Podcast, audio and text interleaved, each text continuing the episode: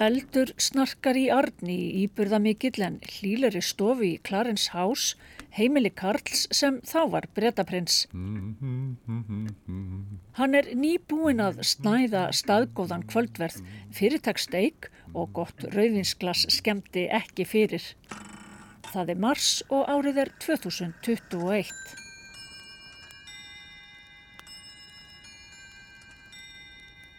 Prinsinn hallar sér aftur í köplóttum hægindastól. Þetta er uppahaldsstóllin hans. Orðin svo litið slitinn en til hvers að henda því sem vel dugar.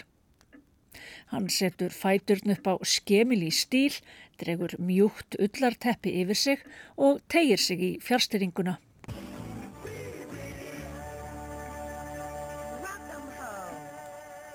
Það er eins gott að ljúka þessu af.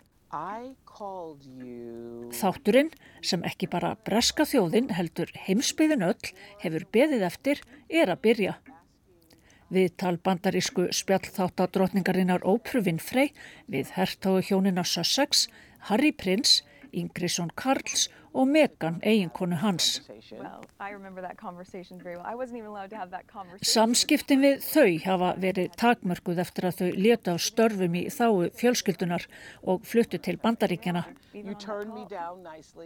Hvað er Harry að fara að segja á hann eftir að tala illa um Karl eins og fullirt hefur verið í fjölmjölum? Hvernig er hægt að taka stáfi þetta?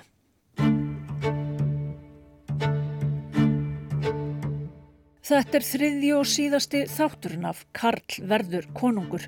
Ég heiti Anna-Lília Þóristóttir.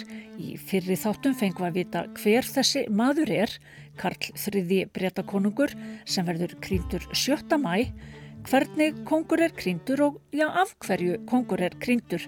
Í þessum lokaþætti ætlum að velta fyrir okkur hvernig konungur Karl þriðji verður, hvaða verkefni býða hans og hverjar helstu áskoranir hans verða. Hvað þýðir sundrung fjölskyldunar fyrir framtíð konungsveldisins? Verður Karl síðasti konungur Breitlands?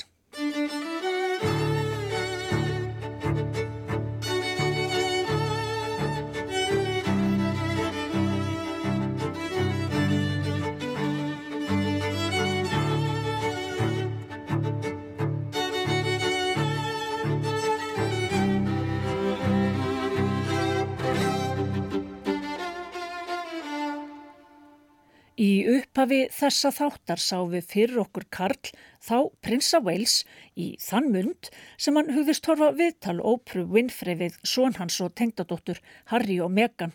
Í viðtalenu heldu þau því meðal annars fram að þeim var mismunað innan konungsfjölskyldunar en þau sögðu sig frá ofinberðum skildustörfum í hennar þáu snemma árs 2020. Hold up, hold up. There's Stop several right now. conver- there's several conversations. There's a about it. conversation with you with Harry.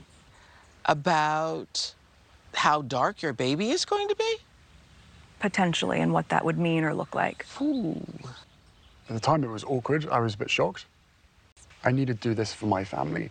This is not a surprise to anybody. It's really sad that it's got to this point, but I've got to do something for my own mental health, for my wife's.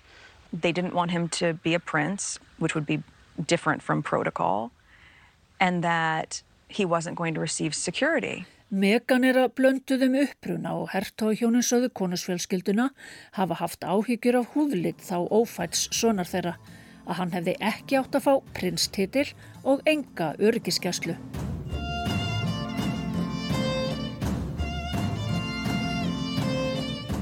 Það sem Kvorki Karl nýja aðrir viss á þessum tíma var að þetta var bara byrjunin. Röð sjónvarsþátt á Netflix fylgdi í kjölfarið þar sem hertóhjónin sem nú eiga tvö börn, sonin Archie og dótturina Lilibet, endur tóku þessar fullurðingar og bættu fleirum við. Æfisaga Harrys Sper eða Varaskeifa kom svo út í áspyrjun 2023. Þar greinur hann frá slæmum samskiptum hans og Vilhjálms bróður síns og fullir þeirra Kamila eiginkona föður hans hafi látið slúðurblöðum í tíu sögur af honum í skiptum fyrir jákvæða umfjöllunum sjálfan sig. Hann lýsir einmannalegum uppvakstarárum og fjarlægum föður og til marksum veika stöðu sína innan fjölskyldunar segist hann ekki hafa fengið að vera samferða nánustu ættingu sínum í Balmoralkastala þegar amma hans Elisabeth Önnur Englasdrottning láð þar banaleguna í september 2022. Hildur Helga Siguradóttir, fréttaritari Lundunablasins The Times hér á landi, segir að það hafi komið henn á óvart hversu harkaleg viðbröð konusfjölskyldunar voru gagvart Harry og Megan þegar þau ósku eftir því að fá dragur embættisverkun sínu fyrir konusfjölskylduna, skildum sem fylgja því hlutverki sem Harry var fættur inn í. Man greiði að hann er ekki að fremja henn landráð. Hann vil bara fara og, lifa öruvísi lífi og hann er honum þreyttur á þessu og hann er svektur auðvitað og verður alltaf út af því hvernig fór með móður hans og sem að let lífið í, í eldingaleg við hérna paparassa og hann kennir þeim um, um það og hann er hættur um konuna sína og, og, og börnin jafnvel. En svo finnst mér sko, ég hef svona aðeins hallast á hennar liðin að svo náttúrulega linnir ekki sko tilkynningum og, og sögum frá þeim hjónum sko mér finnst eftir á að hafa verið gert ansi mikið úr þessari óskaplega yllu meðferð á þeim. En það er náttúrulega að tala út frá eigin brjósti. Að sættast við Harry og skilgreina hlutverk hans er líklega einn af stærstu áskorunum konungs Guðni Ósk Lagstall sem heldur úti samfélagsmiðlumundur heitinu Royal Islander telur að framferði Harrys sé síst til þess fallið að bæta samskipti innan fjölskyldunar. Bara alls ekki. Ég held nú að bara, það getur nú margir bentan má að þetta er ekki leiðin til að fá einhvern til að eiga betur samskipti við eða til að, hérna, eins og hann hefur nú reynd að koma í framfæra. Hann talar um að það hefur verið mjög slæm samskipti mjög lengi og hann vil bæta því. Það þarf einhver málamilun að vera aðna, þú veist það eru báðir aðalara búin að gera slæma hluti og góða hluti og allt svo leiðis en hann verist ekki að vera tilbúin til að gefa neitt eftir, allan ekki því sem við höfum séð hinga til.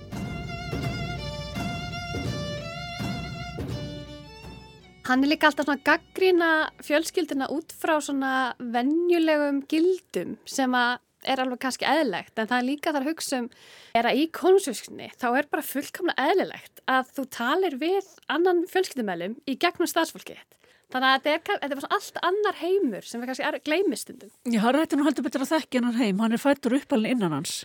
Maður myndi halda það, en ef það er eitthvað sem ég hef lært um hann Harry hinga til, er að hann bara svona skilur ekki hann heim. Og einhvern veginn aldrei lært á hann almenlega, ég hef oft svona lesið eða hlusta á viðtal við hann og ég er alveg bara svona ég er heila bara geti kannski bara vita þess meir um þetta en hann, sem bara fáránlegt. En er það kannski af því að þráir hann kannski bara að teilhæra einhverjum öðrum heimi? Ég held að ég hef alltaf verið mín kenning frá því að þetta Harry og Meghan svona dæmi byrjaði, er bara að Harry hefur alltaf viljað komast út úr þessum heimi. Hann fungerar ekki í þessu umhverju og ég held að bara hafið svolítið fundið bara svona tilgangin þegar hann hittir Meghan. Ég held nú að Meghan hafi kannski haft svolítið aðra sín á hvað væri að fara að gerast og enga veginn átt að segja á því hvernig þetta virkar í alvörinni. Þannig að ég held að þetta hafi bara verið stórt slis. Þú veist eins og frækt er að hún vissi ekki hvernig átt að gera haga sér þegar hún hitti Elisabethu Breðdónningu fyrir skipti. Er það ekki á Harry að svona búta það síðan og bara herru, við þurfum kannski að æfa okkur að neyja okkur ára við hittum drotningun. en hvernig heldur þetta endi? Herru, ég bara veit ekki. Mér veist Harry og Meghan oft kom mér núna óvart. Ég held nú að ég væri bara að skilja Harry svolítið eftir að lesa bókinans og að hann væri bara tilbúin í að loka á þetta. En síðan kemur þetta með tillana á bönnunum hans. Já, og þá ertu raun að vísa til þess að já, Archie fekk titilinn prinsessa til eldra barnas og Lilibet fekk prinsessu titil sem gerðist í rauninni þegar pappans varð Já, þau eiga algjörlega rétt á þessum titlum. En er ekki svolítið þversögt fólkin í því að vilja börnin byrja titla sem tengjast þessu fyrirbæri sem berska konusfjölskeldan er sem þú hefur verið að tala um hvað sé bara, galla fyrirbæri? Ég, bara, ég myndi halda það að þetta væri mikil þversögt.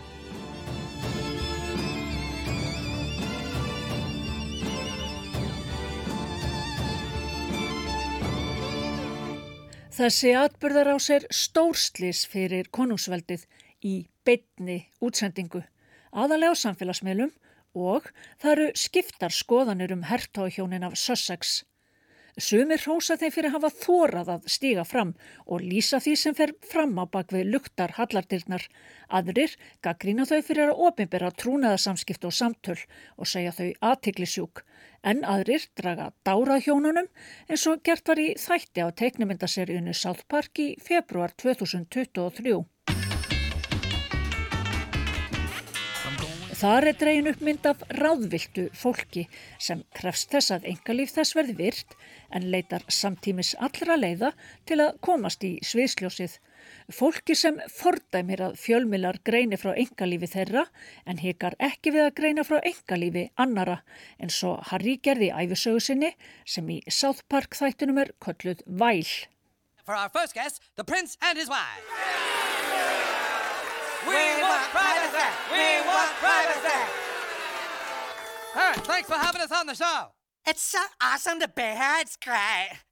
So let me start with you, sir. You've lived a life with the royal family. You've had everything handed to you, but you say your life has been hard, and now you've written all about it in your new book, Where?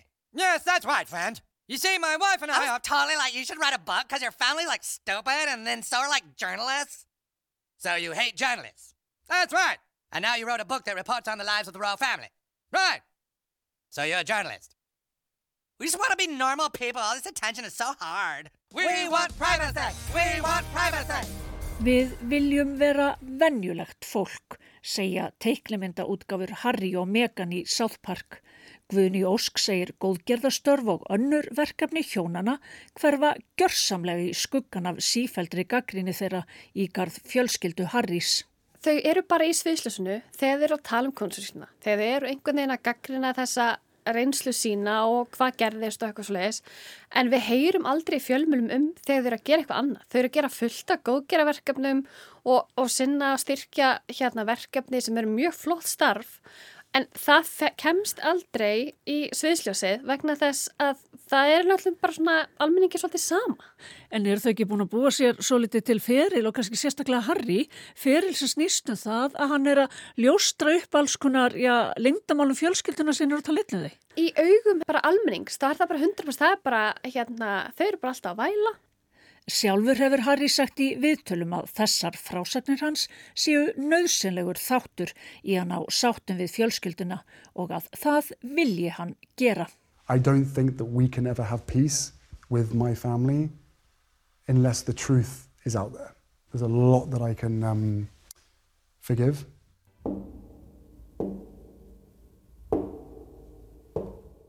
Forgiveness is 100% a possibility because I would like to get my father back.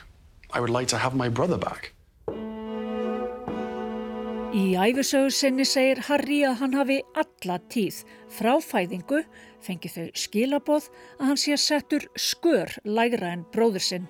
Að hlutverk hans sem yngra sískinnis verðandi þjóðhauðingja sé illa skilgreint og á sama tíma séu möguleikar hans til að skapa sína eigin tilveru verulega takmarkaðir. Bóji Ágústsson, fréttamaður á Ríkisútarpinu, hefur velt þessu fyrir sér. Þetta er eh, varamaður sem aldrei fær að koma inn á. Sko þegar bróðurinn eða sýstirinn sem, sem hefur búin að taka við sem þjóðningi er búin að eigna spatt, þá er þínu hlutverki í lífinu gessamlega lokið. Það er þú bara og, aftur. Og, og þess vegna þetta er enn eina ástæðin fyrir því að hvað erum við að gera með, með konungdæðin á 2021? Við sjáum þetta hjá honum Harry okkar í dag. Hann finnur sig ekki þetta er eitthvað sem held ég verið svona þetta stærstu áskonunum hjá honum og við sjáum að þetta er að gerast hérna í Svíþjóð og bara fækka títlunum sem eru og hver er að fá skattpenningana og þetta líka gerast í Danmörku mm. þannig að Margrét ákvaða að taka skari fyrir sónsins og Fridrik þurfi ekki að díla við bróðið sinn eins og maður getur sagt kannski og þetta er eitthvað sem að hérna, Karl þarf að fara að gera líka þetta er það sem að mesta óanægjan oftast kemur þegar að vera að gaggrina konungsfjölskylduna er hversu mikill kostnæðar er á halda þessu fólki uppi og öllum þessum höllum og svona.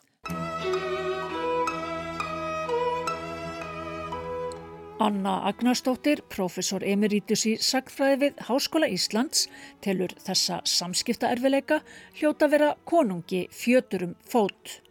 Ég myndi segja að hann hafi verið alveg rosalega óheppin með hvernig svona líf yngri sónarins hefur orðið, hvernig hann hefur snúið baki við konungstæmið og skrifa þessa bók og það lítur að valda áhyggjum. Það væri náttúrulega miklu meira ánægilegra fyrir hann ef allt leki lindi í fjölskyldunni.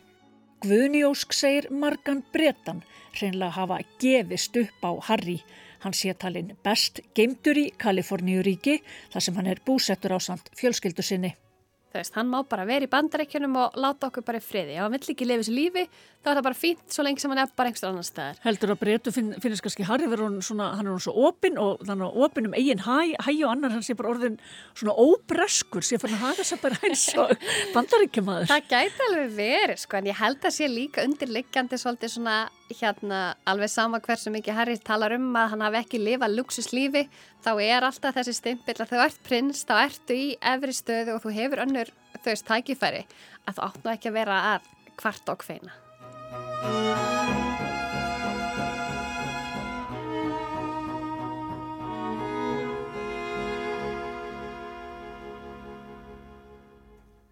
Hildur Helga segir að þeir allt komið til alls, sé breska konusfjölskyldan ekki svo ólík öðrum fjölskyldum og þessi atbyrðarás gerir þau mannlegri. Þekkjum öll einhverjar hérna svona dysfunctional fjölskyldur og hvaða fjölskylda er það ekki ef úti það er farið. Og hann er hansi lausmáll í öllu og það er eins og hann get ekki hægt, hann er alltaf og þau bæði alltaf að tjá sig og mér fannst nú orska mjög tvímælis að hann til dæmis segði frá því hvað hann var mörgum að bana í Afganistan 25 mér skilst að það sé bara algjör hefð fyrir því að þeirverandi herrmenn, þeir tala aldrei um hvað er að drepa marga. Þetta er skjön við allar líka svona herrmanna hefðir. Á skjön við hefðir, segir Hildur Helga. Margir hafa tekið sterkar til orða. Þeirra á meðal er Ben Wallace, varnamálar á þeirra Breitlands, sem sagði þessi orð prinsins ekki lýsa á neitt hátt intaki herrmennsku. Hún snýrist um að vinna saman í hóp en ekki að guma persónulegum afregum. It's a team and so it's not about who can, who can shoot the most or who doesn't shoot the most. Uh, and I think if that's just my personal view, if you start talking about who did what, what you're actually doing is letting, letting down all those other people. Okay. Because, because you're not a better person because you did and they didn't. Og svo sögðu enn aðrir þessi orð prinsins stopna bæði honum breskum hermönum og bretum öllum í hættu. Talibanar voru ekki lengi að bregðast við og listu yfir hemdaraðgerðum. En konungur þarf að leysa fleiri krefjandi verkefni. Sum eru stjórnmálalegs og sögulegs eðlis og varða sjálfstæði ríkja. Ég held fyrir utan það að það verða náttúrulega fjölskyldan við öllum andra. Áskoranir hans verði fólknar í því reynlega að halda saman Stóra Breilandi, United Kingdom.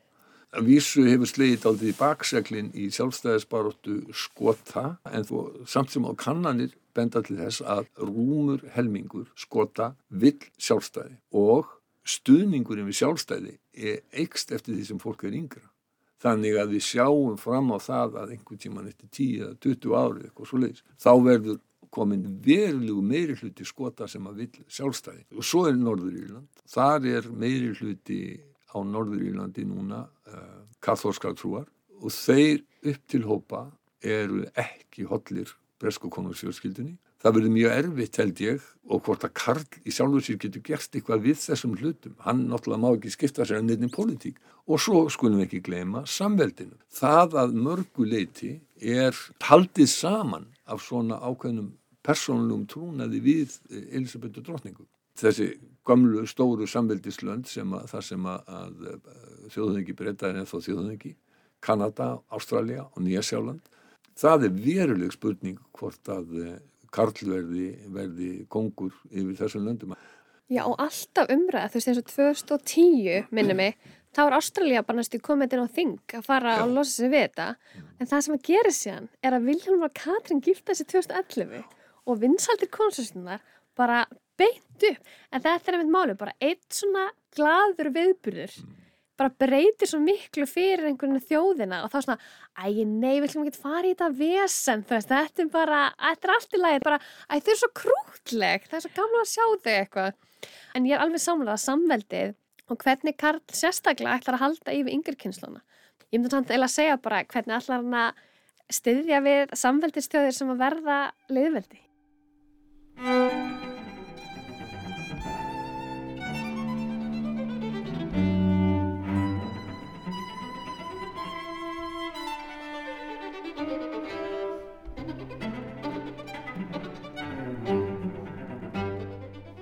Amati önnu gæti það reynst Karli erfitt að taka við þessu krefjandi verkefni á áttræðis aldri.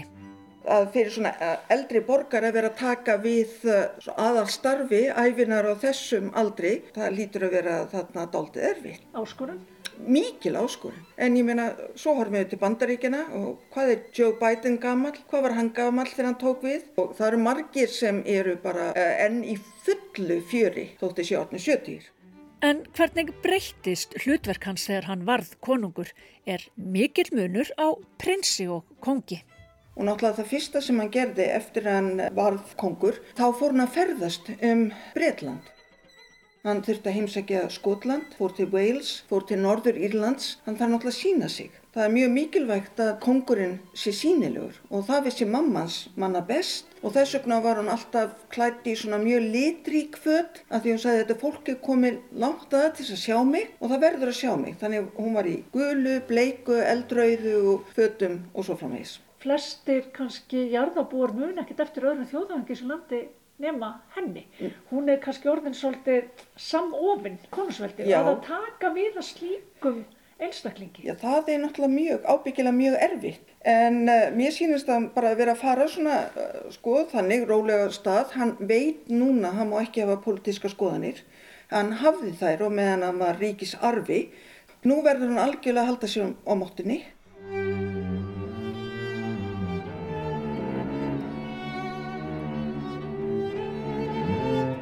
Nei, konungur má ekki hafa politískar skoðanir en þegar Karl var prinsinn af Wales var hann óhrættur við að viðra meiningar sínar á ymsum málum. Hann er til dæmis þekktur áhuga maður um arkitektúr og ummali hans um skipulagsmál hafa gjarnanvakið aðtegli, jafnvel deilur.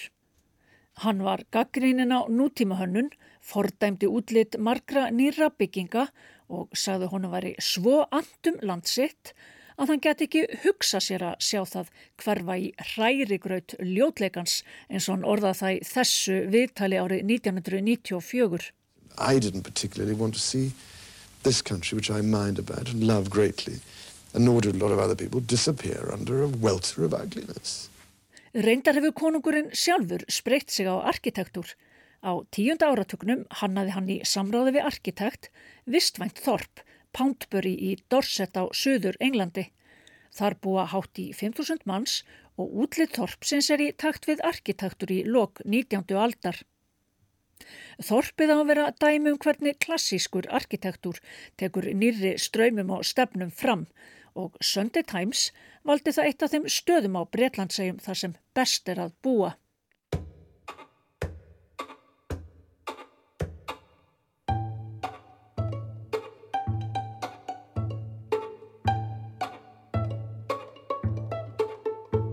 Völd breytakonungs eru fyrst og fremst tákræn. Hann skipti sér kvorki á pólitík nýja öðru sem var þar stjórnafar landsins. Hann hefur þrýþættu hlutverki að gegna á þingi, veitir stjórnarumboð leiðtöfum þess flokk sem fær flesta þingmenn í kostningum, heldur ræðu við þingsetningu, þau lög sem eru samþygt á þingi þurfa samþykki hans til að taka gildi. Það gerist neitt afar sjaldan að þjóðhauðingi veit ekki samþykki sitt. Það gerist síðast árið 1708. Hann er verndari mörgundru samtaka, tekur á móti erlendum þjóðhauðingum og fer í heimsóknir til þeirra. Starf hans er náttúrulega mjög flókið og auðvitað fær hann góð frí uh, við og við. En hann vinnur eiginlega frá mótið til kvölds að sögn. Til dæmis kemur til hans á hverjum degi eins og til móður hans það sem er kallað The Red Box sem er svona rauðurkassi með helstu skjölum stjórnarinnar bæði Breitlands og svo þeirra landa sem þar sem hann er enn konungur. Og hann verður að fara í gegnum þetta og, og það er sagt til dæmis að þessi rauði kassi koma hverjum einasta degi nefn og jóladag. Það eru næg verkefni framundan. Verðbólga er í hæstu hæðum. Orgu kostnaður er að sliga margan brettan. Atvinnulífið enna rétt úr kútnum eftir heimsfaraldurinn og forsætis ráð þeirra skipti hafa verið tíð. Svo er stríði í Evrópu. Og eigum eitthvað minnast á Brexit. Og hvað með kvennamál konungs í gegnum tíðina að hann hafi játað ofinberlega að hafa verið fyrri eiginkonu sinni, díjanu prinsessu ótrúr, já hvaða áhrif hefur það? Ber fólk minna tröst til hans, gæti einhverjum þóttan vera minna hæfur til að gegna ennbættinu eða skiptir það kannski litlu sem engum máli. Heyrum hvað Anna hefur um það að segja. Fólk er alveg tilbúið að fyrirgefa og fólk hugsa, ég menna hann er bara maður, hann er bara venjulega maður eins og ég og þú. Hann er náttúrulega ekki gallalaus, frekar en nokkur og hann lendi í ákveðnum erfileikum og það er bara liðin tíð og nú er hann hamingisamlega giftur og konan hann stendur við hlið hans þannig að þetta ánú alveg að ganga mjög vel myndi ég halda. Ég menna hann er meira, á, hann er áhugaverðari heldur en ef hann hefði bara lifað alveg slett og feldu lífi. Það er líklega nokkuð til í þessu. Er ekki líklega að fólk finni samhljó með kongi sem hefur orðið á í lífinu fremur en einhverjum sem hefur lifað sléttu og feldu lífi?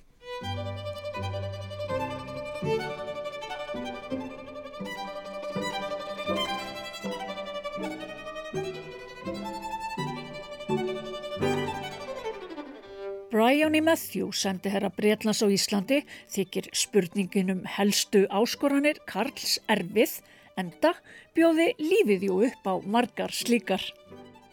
Goodness, now that is a difficult question. I think there are so many challenges in the world today. I would say it's around bringing people together. Stæsta áskorunin er að samina fólk, segir sendiherran. Konúsveldi sem stopnun sé órjúanlegur hluti samfélagsins og gegni veigamiklu hlutverki sem fari síst mingandi. It's part of our history, it's part of our culture, our society. It is important, it will remain important.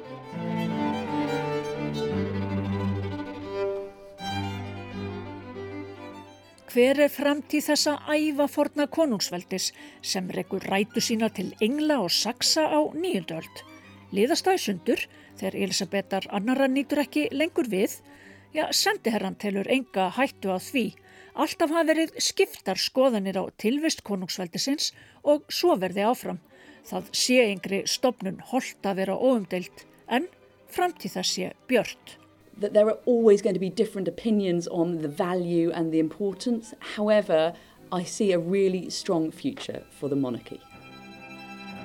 Ég held á meðan þau síni það að þau eru dugleg og viljug og gera það sem er ætlast til af þeim að þá þykir þetta bara alveg ágætt að hafa konungstæmi sem gengur í arf. Það þarf ekki að vera kjósa. Fólk er alið upp í þessu, það veit hversi vænst af þeim og svo frá meðs.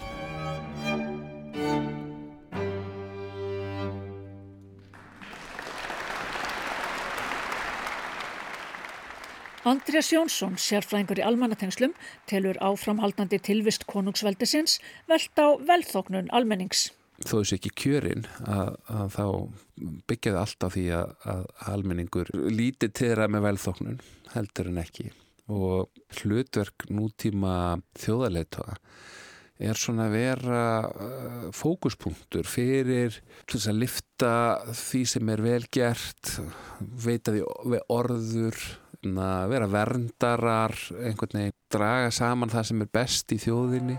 Today in 2022 as the Queen celebrates her Platinum Jubilee the pressing need to protect and restore our planet has never been more urgent. But like her, I am an optimist. Hér heyrðist í Vilhjálmi Prins eldri síni Karls Konungs á 70 ára valdaamæli ömmu hans í júni ári 2022. Hann saði umhverfisvernd og endurheimt náttúrunar aldrei hafa verið jafn mikilvæga en hann væri, eins og amma hans, bjart síðan á framtíðina. Við lát Elisabetar hlaut Vilhjálmur titilinn Prinsina Wales og er nú ríkisarfi. Hann fættist árið 1982 og hlaut nokkuð hefðbundið brest yfir stjættar uppeldi, fór í drengjaskólan Ítón og namn síðan við St. Andrews háskóla í Skotlandi og þar kynntist hann eiginkonu sinni Katrínu, prinsessa Wales, sem áður hétt Middleton. Air pollution poses a threat that knows no borders. Heartbreakingly, over 250 million children under the age of five are breathing polluted air every single day. Hún er, eins og eigimadurinn, mikill talsmaður umhverfisvendar eins og heyra mátt í þessari ræðu hennar þar sem hún talaði um skadleg áhrif mengunar á börn. Prinsinn og prinsessan bera einnig titlana Hertogahjónin af Cambridge, Hertogahjónin af Cornwall, Jarlshjónin af Strathörn og barón og baronessa af Carrick Fergus. Þau eiga þrjú börn, Georg sem fættist 2013 og er nú annar í erðaröðuna eftir pappa sínum. Carlotta er fætt 2015 og yngstur er Louis sem fættist 2018. Hjónin njóta vinsalda í heimalandi sínu Guðni Ósk segir auðsjánlegt af störfum og framferði hjónana í tímasrás að þau taki hlutverk sitt afar alvarlega. Þau stýji mjög markvist til jarðar í öllum sínum aðtöfnum með framtíð konungsveldisins í huga. Og hann og Katrin hafa náð að byggja upp ímynd í dag sem er bara þau eru fullkominn. Falleg þrjú börn og fullkominn svona fjölskyttilíf, þú veist að reyna að lifa svona ellu fjölskyttilíf inn á milli konungslífsins en þau bara gera aldrei neitt ránt og ef þau eru gaggrind fyrir eitthvað sem þau er alveg stundur rétt á þá bara svona hverfur það. Það er svo mikið tröst einhvern veginn búið til þeirra. Já, þau verðast ekki geta stíð feilspor og ég þetta er framtíðin. Algjörlega og þau eru held ég líka mjög mikið að leggja áherslu á að reyna að koma vekk fyrir hvernig þú veist Harry og Vilhelmi voru þú veist aldnir upp á sínum tíma. Við sjáum til dæmis að þau eru aldrei heimsóknum eða sinna einhvern fundum eða skildum á þú veist tíma þar sem þau þurfa að sækja eða þú veist í skólan eða fara um krakkan í skólan. Þannig að þau reyna alltaf að vera með börnunum eins mikið þau geta og ef að börnin fara í, í frí frá skólanum þá er þau bara frí. Þá sér þau bara ekki Vilhelm Katrinu hann er náttúrulega núna komin í það hlutverk sem já, fæður hans var fyrir bara, var í, sem var prinsina vels þó að Karl hafi nú verið í því hlutverki já, talsveit lengur heldur en Vilhjálmur mun vera, en það að hafa verið orðin prinsina vels krónprinsinn, það náttúrulega þýðir starra hlutverk, meiri skildur mm -hmm. er hann að standa vel undir þessari auknu ábyrg og þau bæði að því og nú er hún náttúrulega prinsessan á Wales. Já og þetta er náttúrulega, þú veist komin meiri pressa á þau, þau er einu ætt ættu svona kannski ekki að geta haft jafn mikið, leila að segja þetta, en frelsi og þau höfðu. En vissulega hlýtur hann að vera að taka við, er hann að taka við verkefnum frá Karl sem Karl er ekki lengur sinna sem prinsinn á Wales. En ég heldur mér að sjá meira á næsta árinu hva, hvernig þetta breytist og hvernig þau verða meira í þessu hlutverki sínu. Er framtíðin björnt? Ég myndi alveg klálega að segja það. Viljálmar Katrin eru núna vinsalistu mellum við konungsfjölskyldunar og þau munu standa sér mjög vel í sínu hlutverki í framtíðinni. Anna tekur undir þetta. Þau eru velmynduð og þau virðast vera í álveru ástfangin. Þetta er ekki eins og Díán og hans sem alla þekktust þegar þau giftu sig. Þannig að ég held að allir getur verið bara bjart síni í sambandi við þetta. Hildi Helgu líst vel á nýju Walesjónin en finnst ólíklegt að vinsaldir þeirra í eftir að haldast stöðuar ég líst ágætlega á hann sko og Katrin er bara eins og hún hafi verið keift í svona eiginkonu ríkisarfabúð sko, hún er svo fullkominn en pendullin sveiplast alltaf fram og tilbaka. Nú er Harry og Mega monda fólkið og hörtuðu fyrirlitinn. Og Viljámur og Katrin eru hafinn upp til skíjana og fyrir það síðan verður það leiðingar þá þarf að byrja að pikka í þau. Og þetta er bara munstur sem maður sér alltaf, sérstaklega hjá svo kvöldu slúðublöðum, að það er sko skiptum pól. Þarf alltaf, er alltaf einhver tekin fyrir? Já, það er bara nöðsynlegt sko. Og þetta senur blöðin. Andrés Prins, hertogi á Jórvík og yngri bróðu konungs hefur sannarlega selt blöðin á síðustu misserum.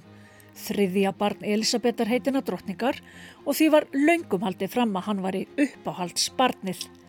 Haustið 2019 gerði Andrés ótímabundið hlje á öllum ofinberu skildnum sínum í kjölfar uppljóstrana um tengslans við barnanýningin Jeffrey Epstein og ásakana um að hann hafi nöðgað stúlku á unglingsaldri. Stúlkan Virginia Jeffrey sem nú er fullorðin kona höfðaði mál gegn prinsinum. Það var leist utan dómsala með sátagreislu sem talin er hafa komið úr vasa drottningarinnar.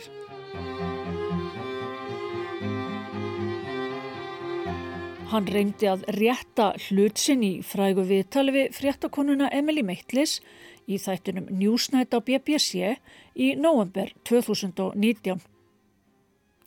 Þar saði prinsinn frá vináttusinni við Epstein.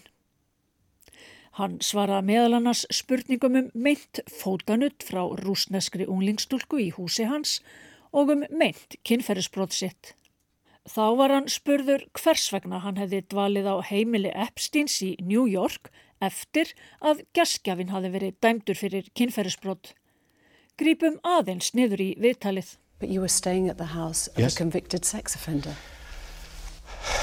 It There's, I mean, I mean, I've gone through this in my mind so many times. At the end of the day, um, uh, uh, with the benefit of all the hindsight that one could have, um, it was definitely the wrong thing to do. Um, but at the time, I felt it was the it was the honourable and right thing to do, and I, I admit fully that that that, that my judgment was probably coloured by my um, tendency to be too honourable, but that's just the way it is.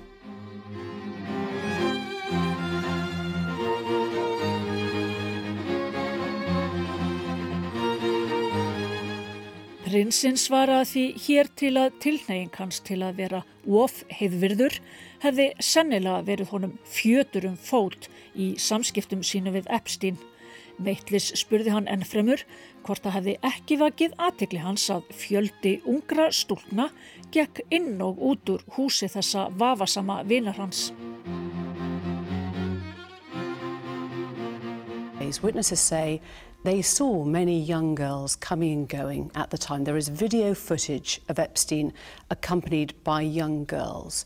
And you were there staying in his house, catching up with friends. I never, I mean, if they were, then um, I wasn't a party to any of that. I never saw them. I mean, you have to, you have to understand that, that, that, that his house, I, I described it more as a, as, a, as, as a, almost as a railway station, if you know what I mean, in the sense that there were people coming in and out of that house all the time. Andrés Prins svaraði því til að hann hefði ekki veitt því aðtikli að urmull stúlkna átti erindi í hús Epsteins meðan hann dvaldi þar. Heimilið hafi verið eins og jábreytastöð þvílikt var rennir í það fólki.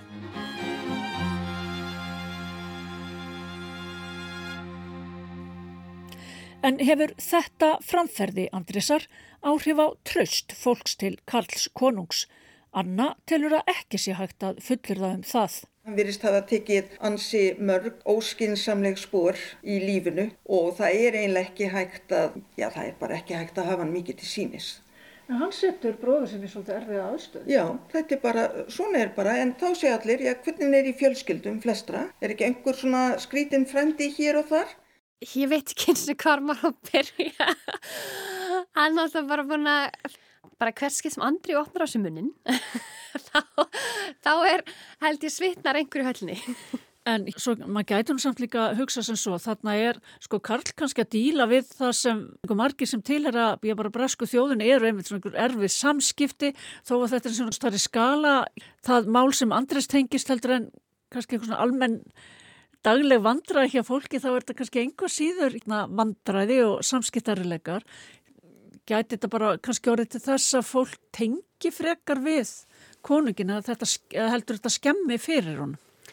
Ég, þetta er þetta mjög góð punktu finnst mér að þetta gæti mitt bara fólk svona, herru, þarna er fjölskyldu erfileikar, það er ákveðin stuðningur. Bretar breska þjóðin er ekki mjög hrifin af svona að tala mjög ópimberlega um nærfi vandamál eða eitthvað svo leiðist, það er bara einhvern í menningunni hjá þeim.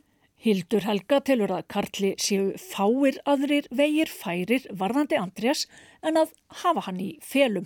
Til hafa hann sem minnst til sín eins það er búið að taka af honum alla sko, herbúninga og sem hann nú reyndar vann sér alveg inn fyrir. Hann var, hann var hermaður í, í Falklandsegastriðinu, alveg eins og Harry var í Afganistan. En þetta er fátæma domgrindar leysi af Andrew. Ég myndi geta þess að, að, að, að nafni mín Andris verði hverki narri í rauninni í neinu og, og hafa það bara fara skýst frá uppafi. Karl hefur bara ekki efna á því að vera með líkilestinni sko. Og ég held að með því að vera með þannan högsta á sér að hafa veginn taka ekki almenna á. Andrisi Andris var auðvitað e, sábróðan sem saður verið uppóhaldi hjá Elisabethu og, og, hérna, og svona einhverju leiti hafi svona verið haldið einhverju lífiskildi yfir hann þeim sögum en hann þarf auðvitað bara að, harfast í auguvist það sem hann hefur gert sem að verist vera ymslegt misjæmt Karl er ekki eingöngu konungur Bretlands, hann er konungur 14 ríkja til viðbótar sem tilhera breska samveldinu, meðal þeirra eru Jamaica og Eyjaklassar í Kirrahafinu. Í breska samveldinu eru síðan 56 ríki, þau stæstu eru Kanada og Ástralja og í löndum samveldisins býr tæpur þriðjungur jarðabúa. Af hverju ættu íbúar þessara landa að vilja óbreytt fyrirkomulag? Þessi ríki eins og Ástralíja sem eru fjölþjóðleg og, og Kanada. Þetta fólk getur ekki fundið neyn tengsl mm -hmm. við einhvern hvítan kallmann í London. Ég held ekki.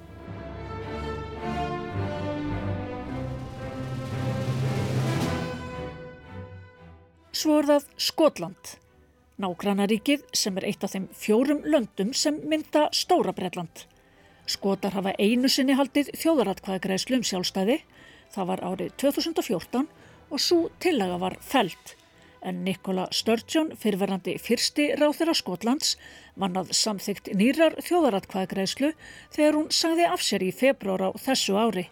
En slík atkvæðagreisla er háð samþyggi breska þingsins.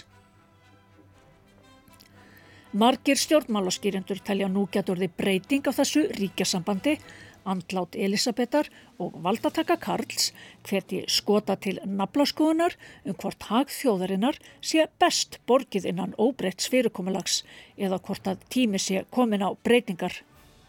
Hvort dauði drotningar marki síðasta kaplan í fjögura alda langri sambandsögu Skotlands og Englands mun tímin leiða í ljós.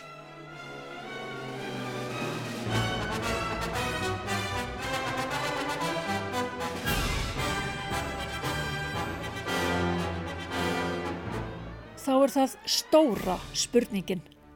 Hvernig konungur verður Karl III? Hildur Helga telur hann eigi eftir að feta sömu slóð og móðir hans gerði á 70 ára valdaferli sínum. Mér finnst nú líklegt að hann stýi bara mjög varlega til jarðar og sé ekkert mikið að rugga bátnum. Það hann verður eitthvað öðruvísi, hann er náttúrulega ekki sama mannskinn og móður hans og og hann svona dreymir vist um að, að sko nútíma væða eitthvað. Nútíma væða er hægt að heimfæra bresku konusfjölskylduna, stopnun sem byggir tilveru sínað miklu leiti, einmitt á því að vera ekki í takt við tíman inn í nútíman. Svona eins og fytu skera þessa fjölskyldu svolítið. Hann er að fælka og þeim sem eru á framfæri krúnunar og þetta fólk býr nú ekkert að því við sult og segir þetta er náttúrulega því líkir því líkir kastalar sem að, að allir þessir ættingjar búa í og... En er ekki komið tími til að já, skera þetta aðeins niður eins og orðar það? Jú, öruglega. En myndi það ekki já, leggjast það bara vel í breyta að fækka þeim sem eru á framfærið sópembera? Jú, ég hugsa það sko því að annars eru þessi fjármál nú svona dalti flókin drottningin fór reyndar að borta skatt fyrir nokkrum árum í fyrsta skipti Marta sko fjármálum krúnunar heyrir í raun og veru undir ríkið en, en þau eiga náttúrulega gífilega dygra sjóði sjálf þetta fólk og, og ráðadaldi hvernig þú ráðstafa þeim. Ég held hann eigi eftir að klára sig af þessu ennbætti nokkuð þokkalega.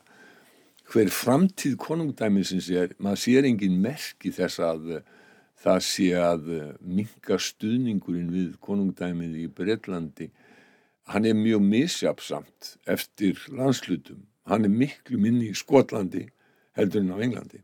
Bara búin að vera það lengi í hérna söðinsljósinu að fólki bara pínu upp og byrja að vennjast honum og núna er hann bara svona gamall og bara svona, þau veist, ekkert að gera neina skandala, svona persónulega sjálfur að frekar hans að sinir hans sem veru að valda einhverju drama og eitthvað og það er það sem virkar, þannig virkar konusfólk í dag að það virkar fyrir þau að vera sem bara stabíl og bara sinna sinn hlutverki og þannig bara við helst þessi hefsku.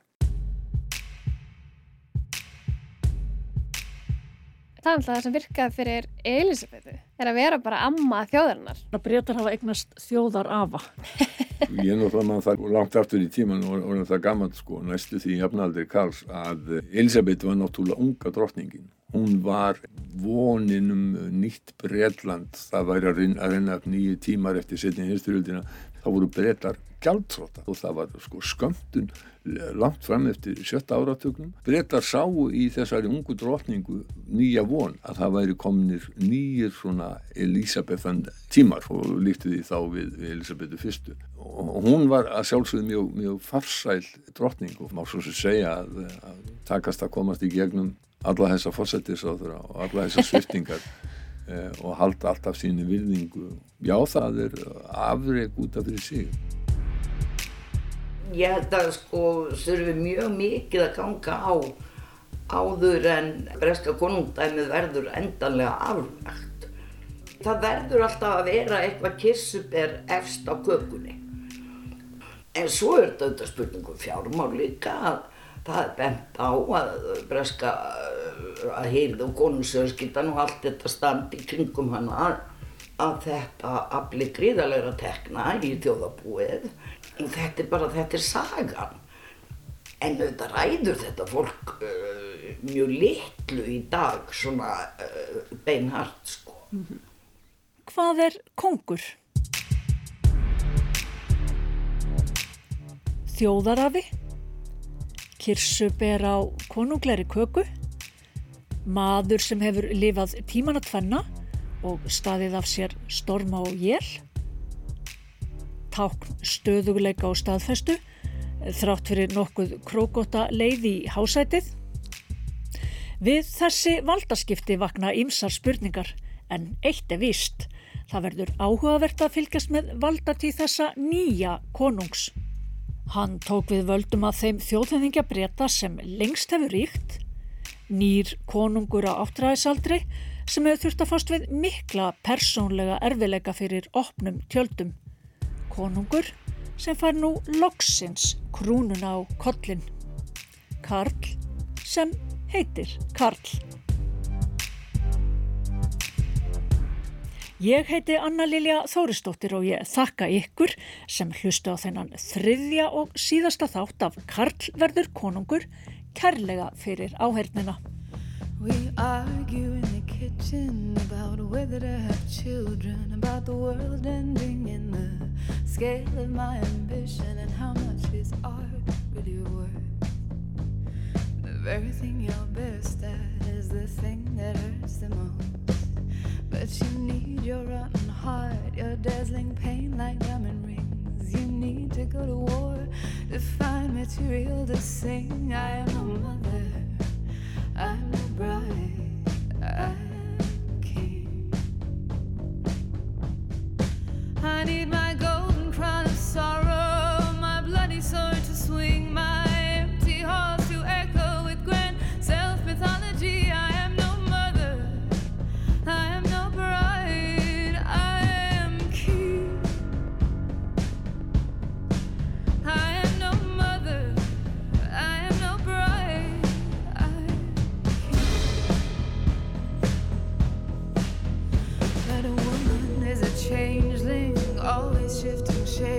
Just when you think you have it figured out, something new begins to take. What strange claws are these scratching at my skin? I never knew my killer would be coming from within. I am no mother.